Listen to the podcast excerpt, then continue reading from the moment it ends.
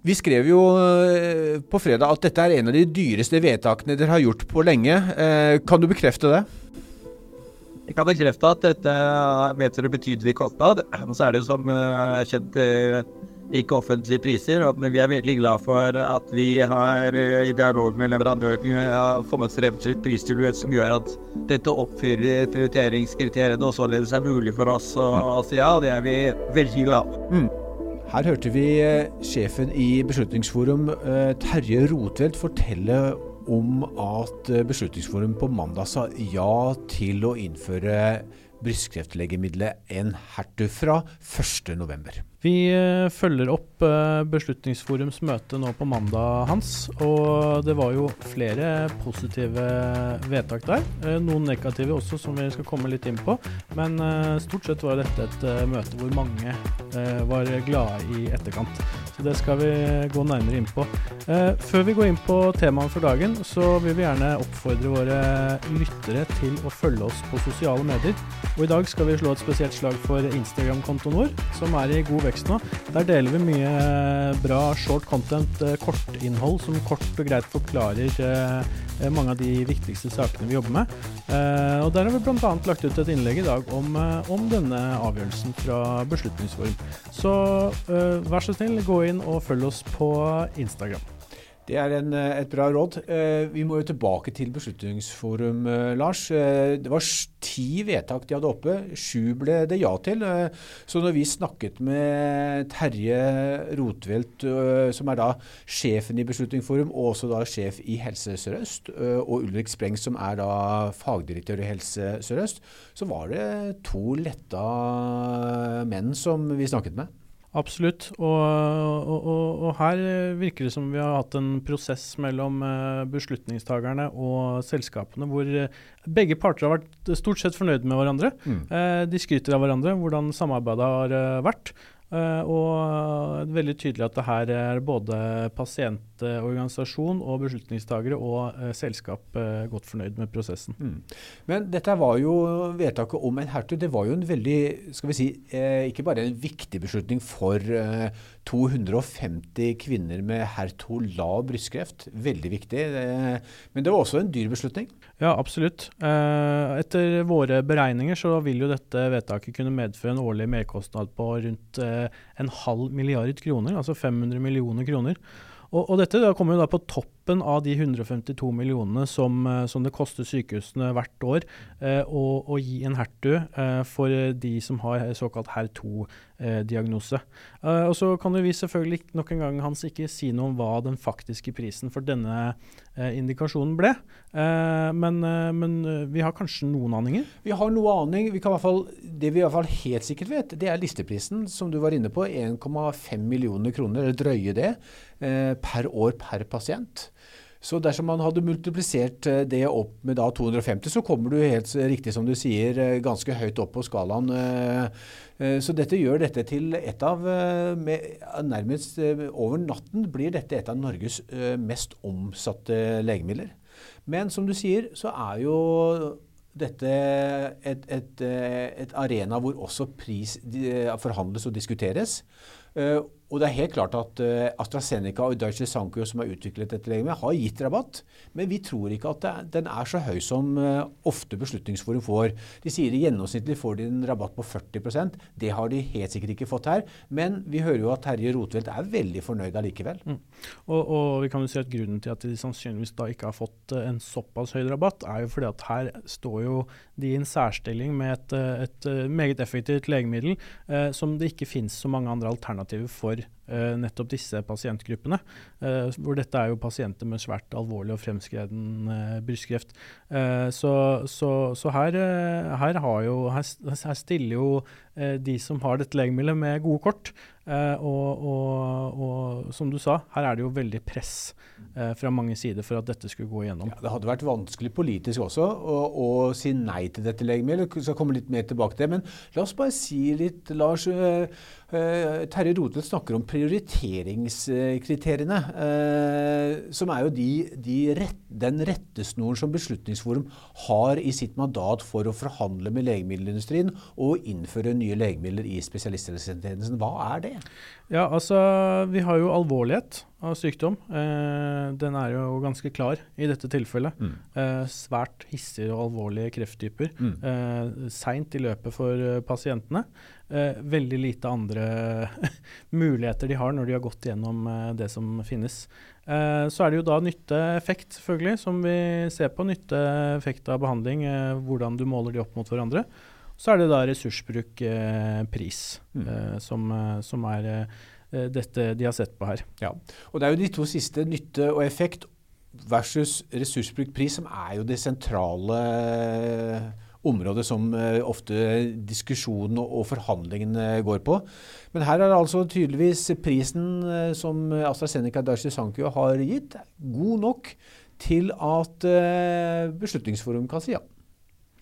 Har du noen tanker Hans, om hva et sånt dyrt vedtak som det her mm. kan spille på videre, når, når vi går utover høsten og det kan komme andre nye dyre legemidler? Ja, det, det, er jo et veldig godt spørsmål. Hvor prinsipielt er egentlig dette vedtaket? Jeg tror iallfall hadde det blitt et nei, eh, så hadde vedtaket vært veldig prinsipielt.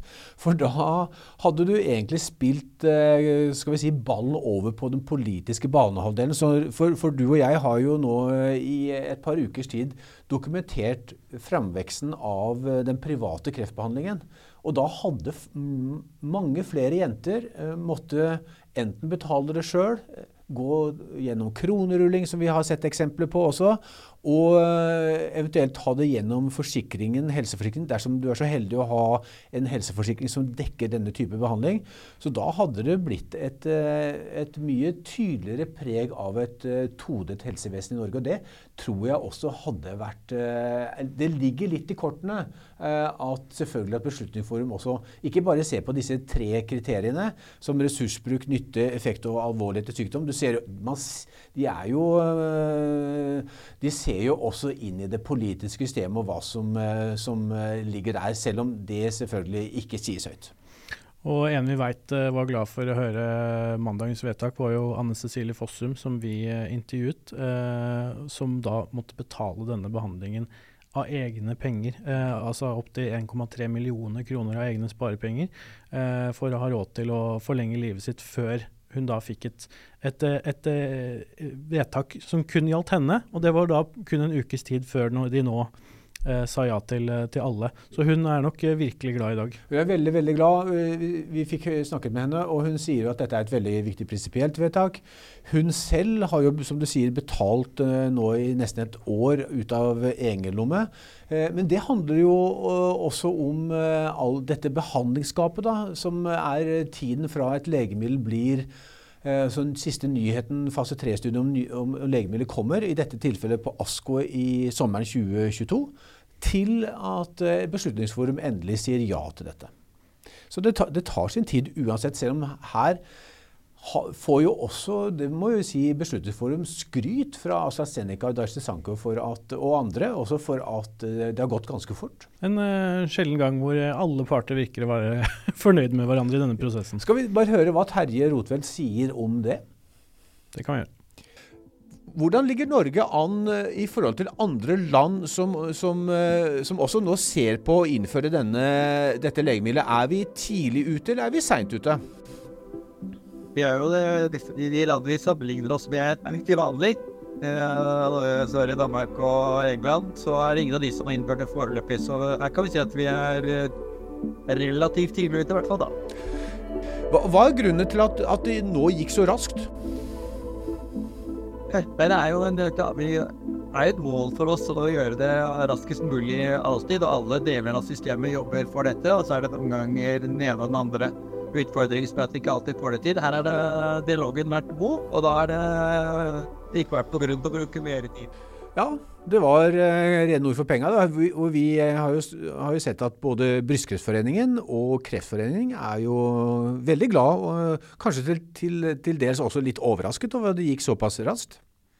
Eh, absolutt. Eh, det, det, det, var jo flere godkjenninger som kom eh, i dag, Hans. Altså, som vi nevnte i starten, sju av ti eh, metoder som var oppe til vurdering, fikk eh, positivt vedtak eh, om innføring i, dag.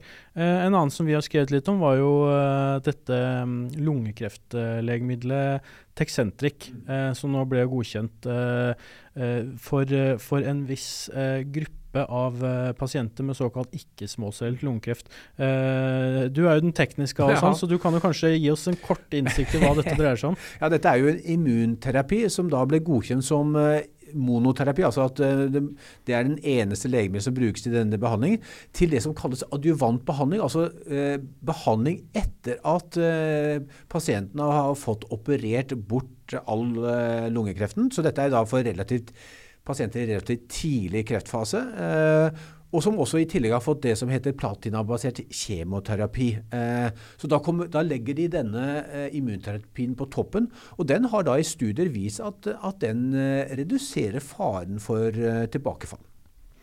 Uh, og det er klart at uh, Roche, legemiddelselskapet bak Texentric, er jo selvfølgelig fornøyd nå. At uh, dette kommer inn. Og, og, og, som vi har skrevet om i saken vår på nettsiden, så, så er jo dette et, en medisin som potensielt kan forhindre tilbakefall for disse pasientene, fordi det er en stor risiko med som er, det som er standardbehandling i dag. Samtidig så sier Audun Ona, som er da sjef for markedstilgang i i Roche at dette har tatt for lang tid. Han sier jo det at Uh, han sier jo det at uh, til sammenligning så, så, ble jo Texentric innført i det offentlige helsevesenet i Sverige allerede i august 2022. Uh, og så sier de at det, de sendte inn dokumentasjon til Legemiddelverket i mai 2022. Og først nå, 16 måneder senere, har vi en beslutning om innføring. Uh, det, det, det, høres jo lang tid, men det, det, er ikke uvanlig det her, Hans? Nei, dette er mer regel enn unntak, vil jeg si. Eh, og, og, det er ikke uvanlig at Norge kommer etter Sverige og Danmark. Eh, så, så det skjer jo også. Eh, så det er klart at du kan si Noe av utfordringen her var at, at uh, Legemiddelverket de trodde de skulle, eller gikk ut og tenkte de skulle gjøre en, en, en stor eller hurtig metodevurdering, som, som, det heter, som fort tar opp mot et år. Eh, men, men, her eh, måtte da legemerket endre seg, slik at de eh, gjorde en, en, kort vurdering som, er, som, ligger til grunn for en av strategiene til Beslutningsforum for å få legemidler raskere frem. For det, dette er jo Tesentric, det er jo en immunterapi som jeg tror det har 20 indikasjoner allerede. Uh, uh, dette er et legemiddel som er veldig godt kjent i, Legemiddelverket. Uh, vi kjenner effekter, og man kjenner ikke minst bivirkninger. Så det er et legemiddel som ikke trengs å gjøres en, en metodevurdering helt fra begynnelsen og holde på et års tid. Så det, burde, burde ikke ta så lang tid, da? Nei, det burde ikke ta så lang tid. Så, så her er det blitt skåret gjennom, heldigvis. og vi kommer til å se mer av det fremover.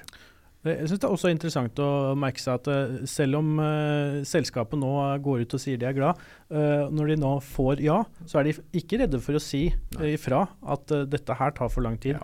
For det, de, det, er jo en hårfin grense med, med, i forhold til det, den, det, samholdet de skal ha med beslutningstagere her.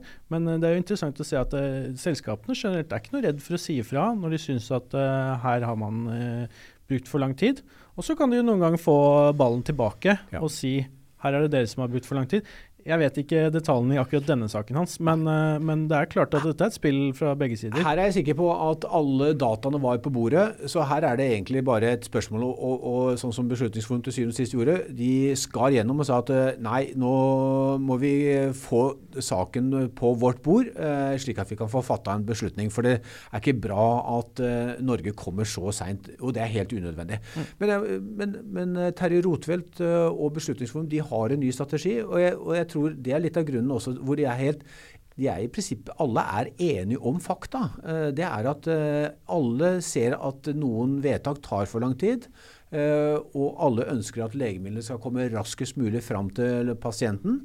Så her er alle aktører, legemiddelindustrien, Beslutningsforum, nye metoder, politikere også selvfølgelig, helt på linje. Så Derfor er det også lov til å si ifra når ting åpenbart tar for lang tid. Mm. Eh, vi, vi, må jo snakke litt om uh, det som fikk nei òg, men mm. vi kan jo fort skumme bare gjennom at uh, det var i hvert fall to behandlinger som jeg kan se som fikk godkjenning innenfor blodkreft, med akutt myologen leukemi og myelomatose, ja. som fikk godkjenning. det ble også gitt godkjenning til eh, Scarisi mot alvorlig aktiv Crohns sykdom.